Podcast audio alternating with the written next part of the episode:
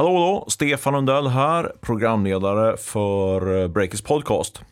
Eh, men den här podden som vi går ut med den här veckan är, eh, skulle man säga, en liten försenad julklapp och en liten specialsatsning för oss här från poddverkstan på Artillerigatan i Stockholm. Det är nämligen så att vi i två avsnitt ska bjuda på en specialgranskning av den svenska poddmarknaden.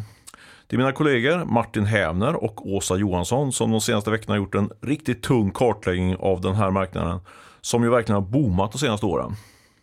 Kartläggningen finns att läsa på breakit.se men en del av den finns också att lyssna på här, passar nog i denna podd. Det första avsnittet kommer alltså i denna veckan och eh, där kommer mina kollegor berätta om de olika rollerna som aktörerna på poddmarknaden har i Sverige och hur det hela hänger ihop. Varsågoda och lyssna.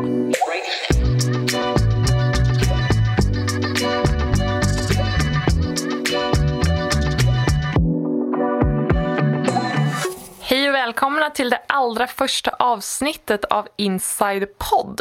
Men vad är då det här för podd? Det är en podd om poddar, eh, eller rättare sagt en podd om poddbranschen. Sedd och granskad ur ett näringslivsperspektiv. Vilka är egentligen aktörerna på poddmarknaden? Går det att tjäna pengar? Och vem är det som gör det i så fall?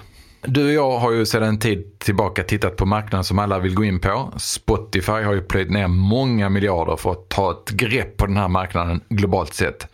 De traditionella mediebolagen satsar stort och varje kändis värd namnet har ju egentligen en egen podd. Poddbranschen är stekhet. Ja, det stämmer. Och i det här premiäravsnittet kommer vi att prata om de olika rollerna som aktörerna på poddmarknaden har i Sverige. Och vi har frågat oss, hur hänger det ihop egentligen? Och vi som pratar i den här podden, vi är båda ekonomijournalister. Mitt namn är Åsa och med mig har jag Martin. Och vi har snubblat över fenomenet podd mer och mer, både i jobbet och privat. Mm, och trots att nästan var tredje svensk lyssnar på podd varje vecka nu så är det ingen, åtminstone inte så vitt vi känner till, som har gjort en podd, eh, podd om poddmarknaden. Så därför bestämde vi oss för att göra en lite spontant, hux och flux sådär. Eh, och vi kan ju börja med att berätta om då vilka är vi och vad har vi för relation till poddar? Som sagt så är vi ekonomijournalister båda två och nu kanske det kommer låta som att jag har bott under en sten, för jag har nämligen inte börjat lyssna på poddar förrän ganska nyligen. Men nu i alla fall är jag igång, eh, delvis för att det är ett superbra sätt för att hänga med ännu mer i nyhetsflödet som kan komma till pass när man är journalist. Så nu lyssnar jag på SVDs dagliga nyhetspodd bland annat och eh, Aftonbladets podd Daily. Men vad har du för poddvanor Martin?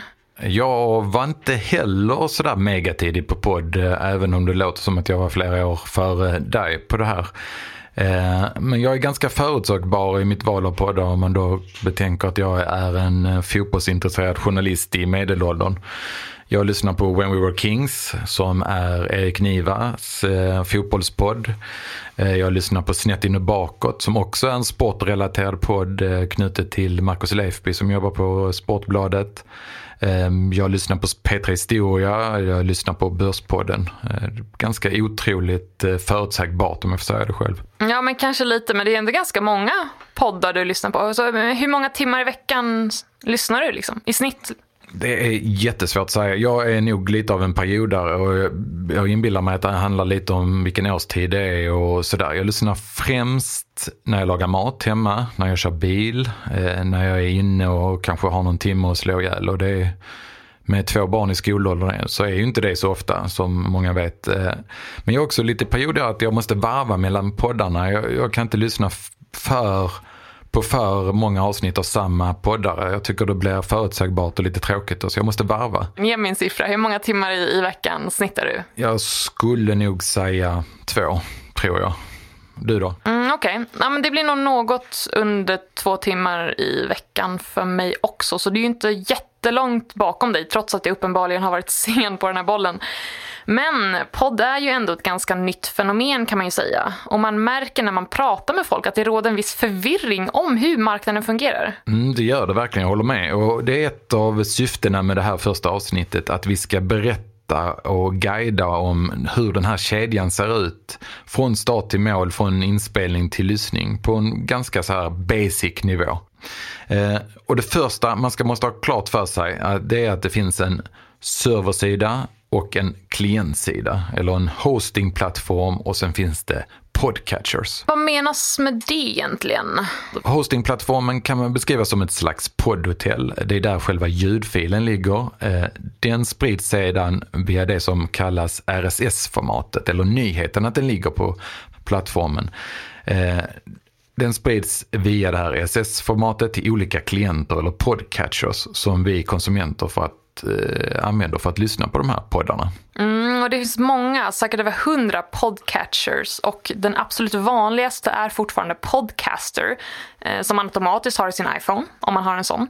Och den här förvirringen som vi nämnde nyss kommer från att vissa aktörer finns både på server hosting-sidan och bland poddspelarna, till exempel Acast.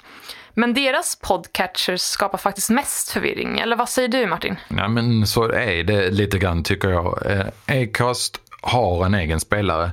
Men den är faktiskt ganska marginell i, i betydelsen att det är inte så värst många eh, som lyssnar på den och den spelar ingen större roll i Acast försök att tjäna pengar. För så här är det. Acast det är en stor spelare på den svenska poddmarknaden och det är en aktör som man kan säga vill vara en knutpunkt på den svenska poddmarknaden. Och med det menas att de vill vara knutpunkten i det här öppna ekosystemet. Deras affärsidé är att koppla ihop poddkreatörer, alltså profiler eller vem det nu är som spelar in en podd, med annonsörer. Och så tar de hand om lagringen av själva podden och distribuera ut den till så många lyssnare och spelare som möjligt. Det vill säga olika podcatchers då. Så detta är viktigt att komma ihåg. Vi kan lyssna på en podd via Spotify eller Apples Podcaster, men det är i grunden Acast som tjänar pengar på den här podden.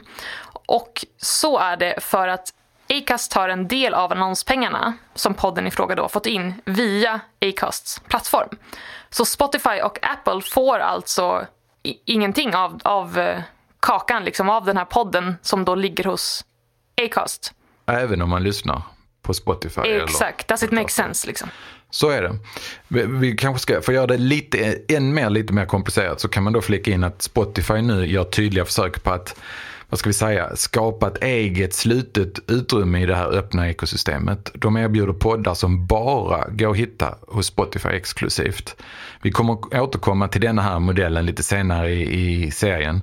Men Spotify håller på att bli på ett sätt då både en host och en podcatcher, precis som Acast är. Ja, så för att sammanfattas kan man säga så här.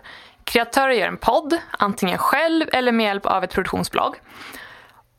Om den här podden då är tillräckligt stor eller har en tillräckligt intressant målgrupp så kan det vara av intresse för annonsörerna att haka på det här tåget. Och då kan man vända sig till Acast och ladda upp podden Eh, på deras plattform och med hjälp av dem får man in intäkter.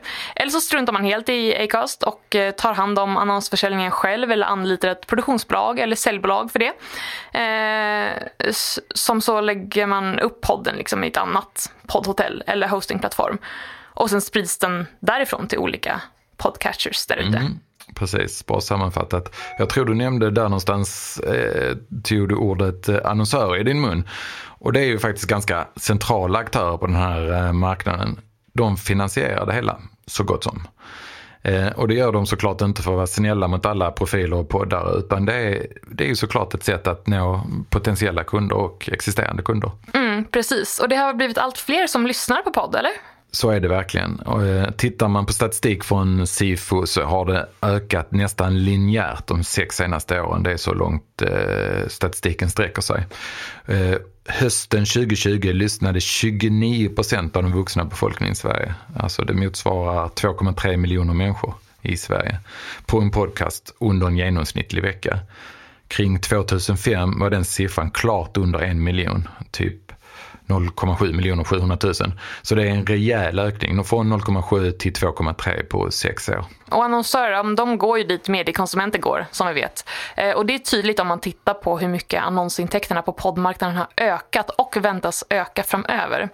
Annonseringen på poddmarknaden växer procentuellt jättemycket, enligt IRM, som är en reklammätare är podcasten mest snabbväxande mediekategorin men då ska man komma ihåg att det är från väldigt låga nivå. Mm. Vi får sätta detta i rätt sammanhang för att hela den digitala reklamkakan i Sverige den uppgår till cirka 25 miljarder kronor mellan tummen och pekfingret. Och podd står för 175 miljoner av det. Det är alltså mindre än 1 procent som gick till poddarna. Så detta är fortfarande väldigt lite och man märker ju det när man pratar runt. Detta är en marknad som är i sin linda, den har nu startat. Mm, men tillväxten är ju, är ju ändå så hög. I år väntas omsättningen öka med 40 procent enligt eh, IRM och landa på omkring 244 miljoner kronor. Mm. Det är det. Men sen ska man också komma ihåg, det är inte bara räckvidden som räknas, alltså det an, ökade antalet lyssnare som gör att annonsörerna lockas av det här. När vi har pratat runt med folk i branschen så nämns ofta det här med intimiteten. Och vad menar man med det då? Det är ju, för det första lyssnar många med hörlurar, man är i sin egen lilla bubbla, det ger ett koncentrerat lyssnande. Och för det andra så är det inte sällan profiler som pratar. Jag tror det faktiskt ett av bolagen vi pratade med nämnde till och med att det var en sorts kompisrelation. Ja men exakt. Så alltså, om man tar, tar en trogen lyssnare som exempelvis lyssnar mycket på Filip och Fredriks podd. Eh, då kanske man som lyssnare börjar känna sig lite tjenis med de här profilerna efter att ha lyssnat ja, men på en rad avsnitt och det blir många timmar snabbt. Liksom. Mm. Och det är klart att det är sånt som annonsörer eller sponsorer gillar. En annan sak att värda ta upp är ju att vissa poddar är tydligt nischade. Man når en viss väldefinierad målgrupp. Eh, för att ta ett eh, dumt exempel kanske, om jag, om jag som fiskespöstillverkare sponsrar en fiskepodd så når jag nog bara folk som är fiskare eller möjligtvis även folk som är intresserade av att bli fiskare. Det man brukar kalla annonsspillet blir väldigt låg. Verkningsgraden blir hög på mina annonspengar. Mm, precis, och starkt exempel där med fiske. Mm, Men det är ju inte bara annonsörer som finns med på det här tåget. Även en annan finansieringsmodell det är att intäkter som kommer direkt från konsumenterna, antingen via abonnemang eller donationer, eh, är också en del av det hela. Och det är en form som växer och som vissa tror kommer vinna mark under de kommande åren. Och det är också något som vi kommer att återkomma till i den här poddserien. Mm, det kommer vi göra för Spotify gör ju satsningar tydligt åt det hållet.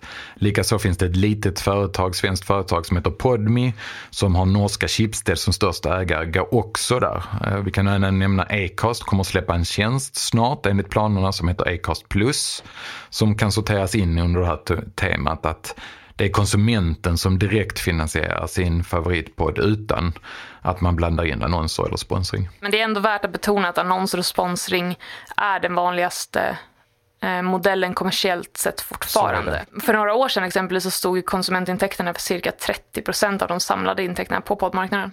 Sen är ju en kärnfråga, hur kommer den här fördelningen se ut i framtiden? Fördelning mellan annons och sponsring finansierat å ena sidan och den abonnemangsfinansierade modellen å andra sidan. Jag tror faktiskt att det inte är någon som riktigt vet detta, hur detta kommer att utkristallisera sig. Och det ska bli jättespännande att följa. Ja men verkligen, det återstår att se vad som komma skall. Men du Martin, ska vi inte ta avsluta det här avsnittet med en historisk tillbakablick? Var kommer fenomenet podd ifrån? Snabbt sammanfattat.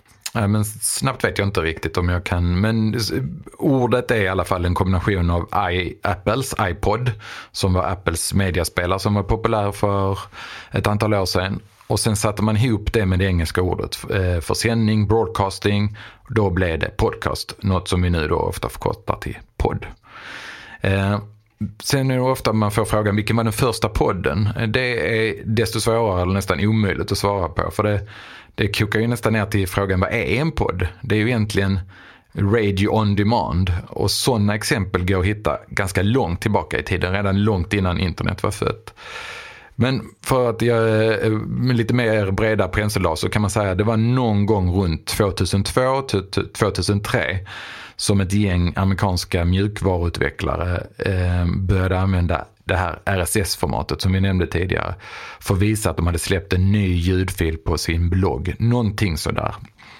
Eh, och därmed var poddformatet fött som vi känner det till det idag. Det är snart 20 år sedan alltså. Ja men tack Martin, det var ändå en ganska snabb historisk tillbakablick kan man ju lugnt säga. Ehm, yes, men i nästa avsnitt av oss tänkte vi att vi ska prata om lite olika poddar och kreatörerna bakom. Publicister, produktionsbolag som också ger sig in i kampen om poddmarknaden och om lyssnarnas öron. Vilka bolag går det bäst för? Vilka har det tufft? Och vilka är nyckelspelarna? Mm. Och dessutom kommer vi prata om jättarna på den svenska poddmarknaden och det är närmare bestämt Acast och det är Spotify. Vi kommer därutöver titta närmare på utmanarna, framförallt där Podmi. Och sen ska vi också prata om radiobolagen som gett sig in i den här branschen. Men eh, tack för oss så länge. Vi är snart tillbaka med nästa avsnitt. Tack så länge.